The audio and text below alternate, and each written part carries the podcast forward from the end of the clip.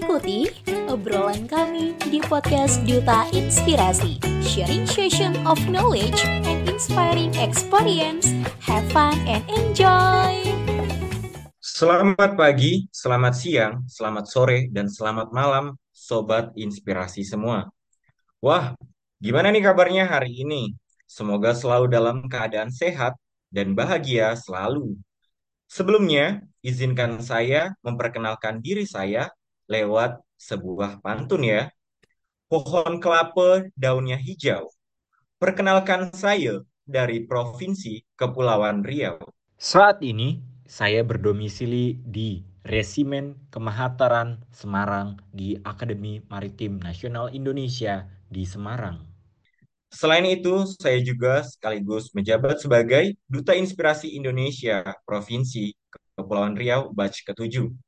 Senang sekali rasanya dapat menyapa Sobat Inspirasi dan menemani kalian dalam segmen Ngobras atau Ngobrol Asik episode kedua dengan tema Good Value for the Good Future.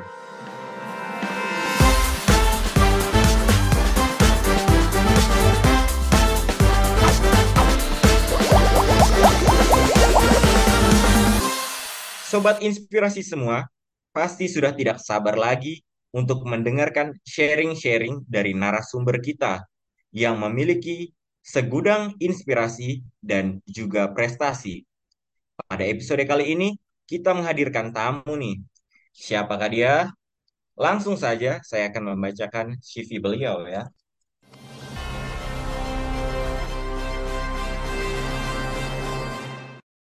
Titania Ramadanti atau akrab dipanggil dengan Kak Titania. Berkelahiran Makassar 5 Januari 1999. Pernah menempuh pendidikan di SDN 3 Lamokato, SMPN 2 Kolaka, SMA 1 Kolaka, dan Fakultas Ekonomi dan Bisnis Universitas Hasanuddin serta pernah menempuh pendidikan non-formal, Basic Learning Skills, Character and Creativity Balance, Universitas Hasanuddin, di Economic Leadership Training, Himpunan Mahasiswa Jurusan Ilmu Ekonomi FEB UH 2017, Latihan Kepemimpinan Tingkat Menengah BEM, Sylvia PC Unhas, dan Pendidikan Dasar Pancasila Kesatuan Mahasiswa Nusantara. Wah, keren banget bukan? Pembahasan kali ini pastinya akan sangat menarik dan sangat menginspirasi bersama narasumber kita yaitu Kak Titania Ramadanti. Halo Kak Titania. Halo teman-teman, Assalamualaikum, Shalom, Om Swastiastu, Namo Buddhaya, salam sejahtera untuk kita semua. Baik, sebelum kita jauh ke dalam, pengen tahu dong Gimana nih kabarnya Kak Titania? Alhamdulillah, syukur, sehat. Sekarang semoga teman-teman yang mendengarkan juga dalam keadaan sehat dan berbahagia. Seperti kata Buddha, semoga semua makhluk berbahagia. Wah, senang sekali rasanya mendengarnya. Semoga kakak selalu dalam kondisi yang baik dan diberikan kesehatan selalu ya. Nah, kesibukan Kak Titania saat ini nih, apa nih Kak? Mungkin Sobat Inspirasi semua pengen tahu dong, apa nih kesibukan seorang Kak Titania saat ini nih? Uh, ya, saat ini masih aktif terlibat sebagai pemantik dalam forum-forum diskusi mahasiswa dan awal tahun ini juga mulai memasuki dunia kerja yaitu sebagai manajer digital marketing di salah satu perusahaan di Kolaka. Wah, terima kasih banyak nih Kak. Meskipun memiliki kesibukan, tetapi Kak Titania masih bisa menyempatkan waktunya untuk menemani sobat inspirasi semua di segmen Ngobras kali ini. Nah, selain kesibukan yang tadi sudah disebutkan, Kak Titania ini memiliki banyak prestasi loh guys. Adapun di antaranya sebagai berikut. Pernah menjabat sebagai pengurus Departemen Keilmuan dan Advokasi Himajie FEB UH tahun 2018 sampai 2019 Koordinator Pengadilan Senat Mahasiswa FEB UH, Pengurus Kesatuan Mahasiswa Nusantara Cabang Makassar, dan inisiator komunitas literasi Nomena at Rumah Nomena, serta beberapa prestasi yang pernah diraih oleh beliau, yakni di antaranya peserta terbaik lomba bercerita tingkat nasional di tahun 2009, juara satu lomba pidato bahasa Inggris tingkat Kabupaten Kolaka di tahun 2012, juara dua lomba OSN bidang ekonomi tingkat Kabupaten Kolaka di tahun 2015, juara satu lomba berpuisi tingkat Kabupaten Kolaka di tahun 2015, delegasi Sulawesi Tenggara dalam Forum Anak Nasional di tahun 2015. Narasumber aktif dalam berbagai latihan kepemimpinan dan forum diskusi. Wah, keren banget ya Sobat Inspirasi prestasi dari Kak Titania ini nih. Semoga saya dan Sobat Inspirasi semua bisa menjadikan ini sebagai motivasi untuk menjadi lebih baik ke depannya. Baiklah, Sesuai dengan tema yang kita angkat kali ini nih, menurut Kak Titania sendiri nih, arti value bagi seorang Kak Titania ini bagaimana nih Kak? Oke, terima kasih Charles. Uh, Charles ya? Panggilnya? Ya benar Kak. Oh ya. Jadi tadi pertanyaannya apa arti sebuah value?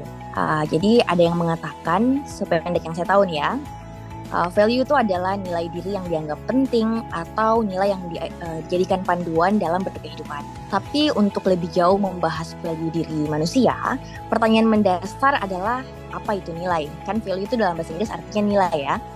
Nah, untuk menjawab ini, saya mau ngajak teman-teman nih untuk sedikit membahas uh, filsafat. Nah, dalam filsafat itu nilai sesuatu adalah esensi sesuatu atau jati, jati diri sesuatu. Misal apa nilai sebuah gelas? Nilainya atau esensinya ialah sebagai gelas atau alat minum. Maka jika sebuah gelas itu pecah, hancur dan tidak dapat digunakan untuk minum lagi, maka sesuatu tidak dapat lagi dikatakan sebagai gelas.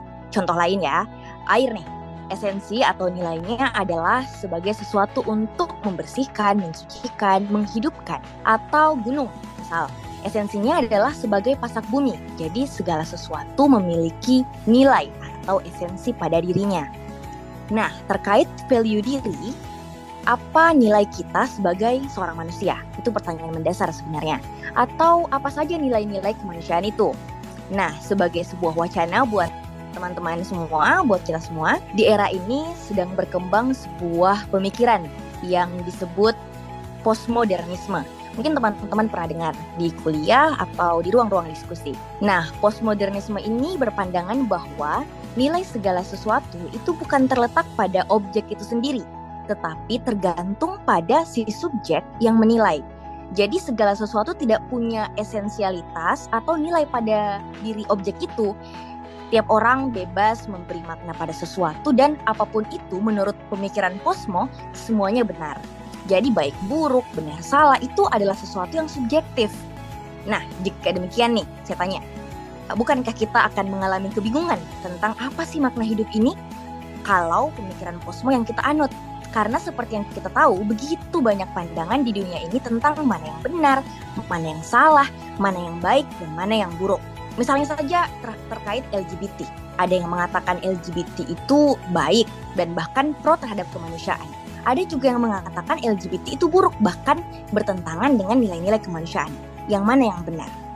Nah, tentu kita tidak sepakat dengan Posmo. Itulah mengapa menurut saya sebagai seorang pembelajar kita harus tetap mencari kebenaran yang sejati dan mutlak. Gitu. Meskipun pandangan saya ini membutuhkan ruang diskusi yang lebih panjang lagi, tetapi kalau harus disingkat, saya akan menyebut bahwa value itu tercermin pada nilai-nilai Pancasila sebenarnya. Dan nilai seorang manusia Pancasila itu terletak pada bagaimana ia mengaktualkan atau mengembangkan intelektualitas dan spiritualitas pada dirinya. Nah, intelektualitas ini berkaitan dengan pengembangan ilmu pengetahuan, teknologi, dan spiritualitas itu berkaitan dengan keimanan, akhlak, keindahan. Nah, akhlak ini kan seperti berkasih sayang dan tolong menolong dan lain-lain. Bahkan kecenderungan untuk memperbaiki diri dan menuju kesempurnaan itu juga bagian dari nilai spiritualitas. Nah, gitu mungkin.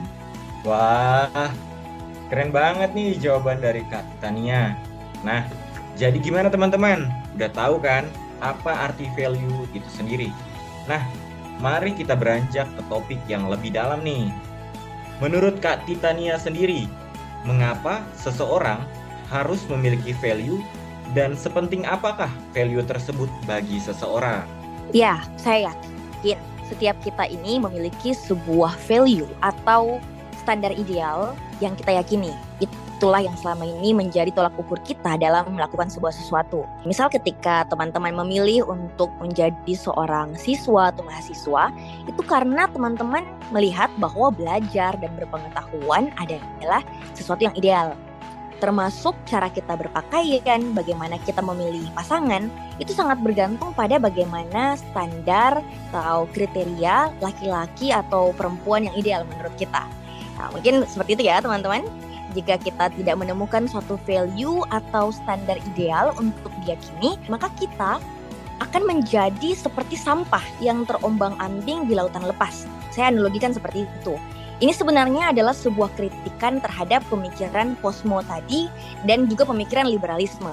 Ketika kita menganggap bahwa kebenaran itu relatif dan subjektif ya, dan setiap orang bebas melakukan apa saja ya, maka sesungguhnya saat itu ia telah menjadikan dirinya terombang ambing karena tidak ada pedoman yang jelas tentang cara berperilaku yang benar atau baik gitu. Jadi jika demikian, apa yang patut kita perjuangkan dalam hidup ini? Asyik. Maaf, sepertinya pembahasan ini menjadi sangat serius ya. sorry, sorry. Nah, jadi gitu ya sobat inspirasi semua. Jadi, mengapa value itu sendiri menjadi penting bagi diri kita? Ya, karena adanya value tersebut, kita akan menjadi merasa lebih baik dan lebih berfokus untuk melakukan hal-hal penting dan positif di kehidupan kita. Nah, menurut kakak nih, tidak terlepas dari pentingnya value tersebut, hambatan apa yang sering terjadi ketika kita ingin berusaha mengembangkan value tersebut? Hambatan ya, seperti kata Nabi terakhir, perang terbesar adalah perang melawan hawa nafsu atau perang melawan diri kita sendiri dan ya sebenarnya hambatan kita ya adalah rasa malas kita, perasaan ingin terus rebahan mungkin, bersenang-senang dan bermain gadget terus seharian. Padahal untuk mengaktualkan nilai-nilai kita sebagai manusia itu memerlukan upaya keras untuk belajar dan melatih diri untuk mencapai hal ideal atau value yang sudah kita yakini itu. Wah benar banget nih apa yang disampaikan oleh Kak Titania. Bahwasanya saat kita tengah berusaha, tentunya pasti ada aja hambatan yang menghalangi. Namun, justru dengan hambatan tersebut harusnya menjadikannya sebagai tantangan bagi diri kita untuk belajar lebih dalam lagi. Nah, tadi kan sudah disebutkan dan telah dibahas hambatan-hambatan ketika kita ingin berusaha untuk mengembangkan value tersebut. Nah, sekarang boleh dong Kak dibagi tips and trick untuk bagaimana mengembangkan value dalam mencapai masa depan nih. Sebelum berusaha mencapai value tersebut, sebenarnya hal pertama yang harus kita tanyakan ulang ke diri kita adalah apakah value atau standar ideal kita selama ini sudah tepat ataukah jangan-jangan ternyata perlu direvisi. Karena jangan sampai kita sudah tertatih-tatih bahkan mungkin ngesot gitu ya untuk mencapai suatu tujuan nih. Ternyata selama ini kita salah alamat atau ternyata alamatnya palsu.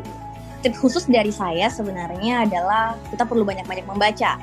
Membaca ini bukan hanya baca buku tapi juga membaca atau memahami realitas atau ikro gitu.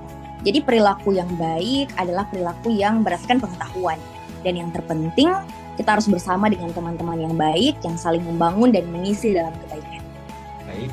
Nah, jadi begitu ya Sobat Inspirasi sekalian, bahwa beberapa tips and trick yang telah di-sharingkan oleh Kak Titania sendiri nih bisa menjadi inspirasi kita tentang bagaimana langkah kita untuk mengembangkan value tersebut dalam mencapai masa depan. Nah, pertanyaan terakhir nih Kak, tentunya Sobat Inspirasi sekalian penasaran nih, kalau boleh tahu, siapa sih yang biasanya mendukung seorang Kak Titania nih untuk mengembangkan value dalam diri Kak Titania sendiri? Ya, saya bersyukur karena bertemu dengan sebuah lingkungan organisasi, sebuah sekolah peradaban yang mengenalkan tentang apa itu manusia dan bagaimana cara menjadi manusia. Sejak kecil, saya juga, yang menginspirasi saya juga adalah ayah saya Beliau sejak kecil berupaya menumbuhkan semangat belajar dengan mengajak berdiskusi, memperkenalkan buku-buku atau tokoh-tokoh pemikir. Beliau berpesan agar saya selalu punya tekad untuk maju dan mengembangkan diri, tentunya agar bisa bermanfaat untuk sesama. Wah benar banget nih. Tanpa kita sadari, banyak sekali bukan sosok-sosok yang ada di dalam di sekitar kita.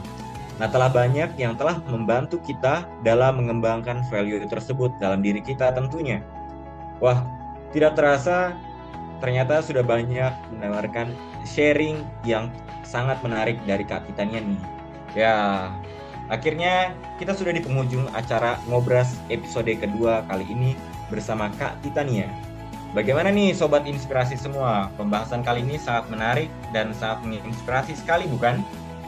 Nah, semoga apa yang sudah disampaikan oleh Kak Titania tadi dapat menjadi acuan dan inspirasi kita untuk ke depannya. Karena sesungguhnya bahwa dalam kehidupan ini adalah sebuah proses belajar. Belajar untuk apa? Ya tentunya belajar untuk menjadi lebih baik dari yang sebelumnya.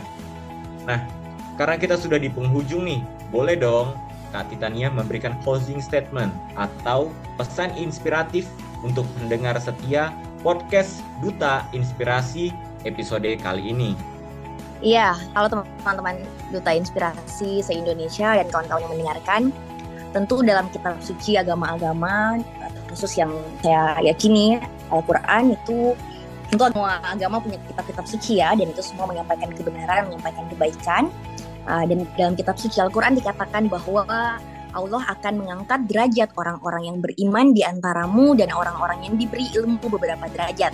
Saya pikir ini selaras dengan diskusi kita hari ini bahwa nilai seseorang itu ditentukan dari seberapa ia meningkatkan intelektualitas dan spiritualitasnya. Dan tentunya pada puncaknya orang yang paling baik adalah yang paling bermanfaat untuk semesta alam. Oh ya teman-teman, saya ada satu puisi nih dari seorang penyair Persia. Puisi ini dipasang di gerbang gedung Perserikatan Bangsa-Bangsa. Ini puisi dari Sa'di. Izin ya. Anak-anak Adam adalah bagian tubuh satu sama lain yang telah diciptakan dari satu esensi. Ketika malapetaka menimpa satu bagian tubuh, bagian tubuh yang lain turut merasakannya. Jika engkau tidak bersimpati dengan penderitaan orang lain, engkau tidak layak disebut manusia. Terima kasih teman-teman. Semoga Tuhan yang Maha Esa senantiasa mencerahkan dan merahmati hati dan pikiran kita semua. Sampai jumpa. Shalom. Assalamualaikum. Wah, keren banget nih. Terima kasih banyak ya Kak Titania atas pesan inspiratifnya. Semoga semua pesan yang telah di-sharingkan oleh Kak Titania dapat kita ambil pesan-pesan positif yang telah disampaikan. Nah, terakhir nih Kak, boleh dong Kak Titania berbagi username sosial media Kak Titania siapa tahu nih sobat inspirasi yang masih penasaran atau pengen banget nih nanya-nanya ke Kak Titania nih. Oh iya, bo boleh boleh Charles. Uh, di Instagram kita bisa berkenalan lewat akun saya, username-nya Titania Nyanya underscore Titania Nyanya underscore dan di Facebook itu Titania Nyanya.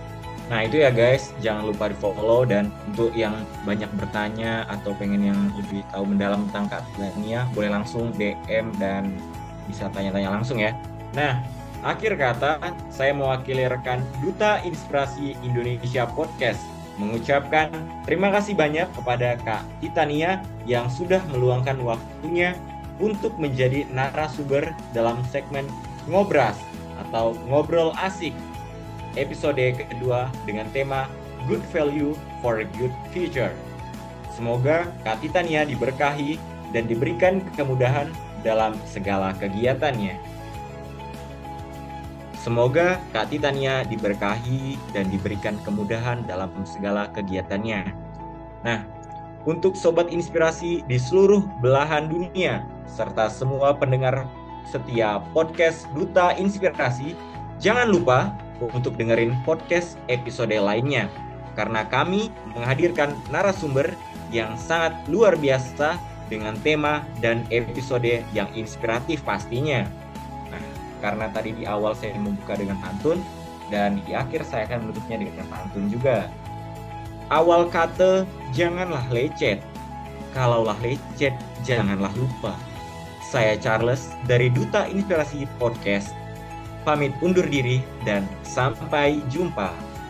Duta Inspirasi Podcast bergerak terinspirasi, berdampak menginspirasi.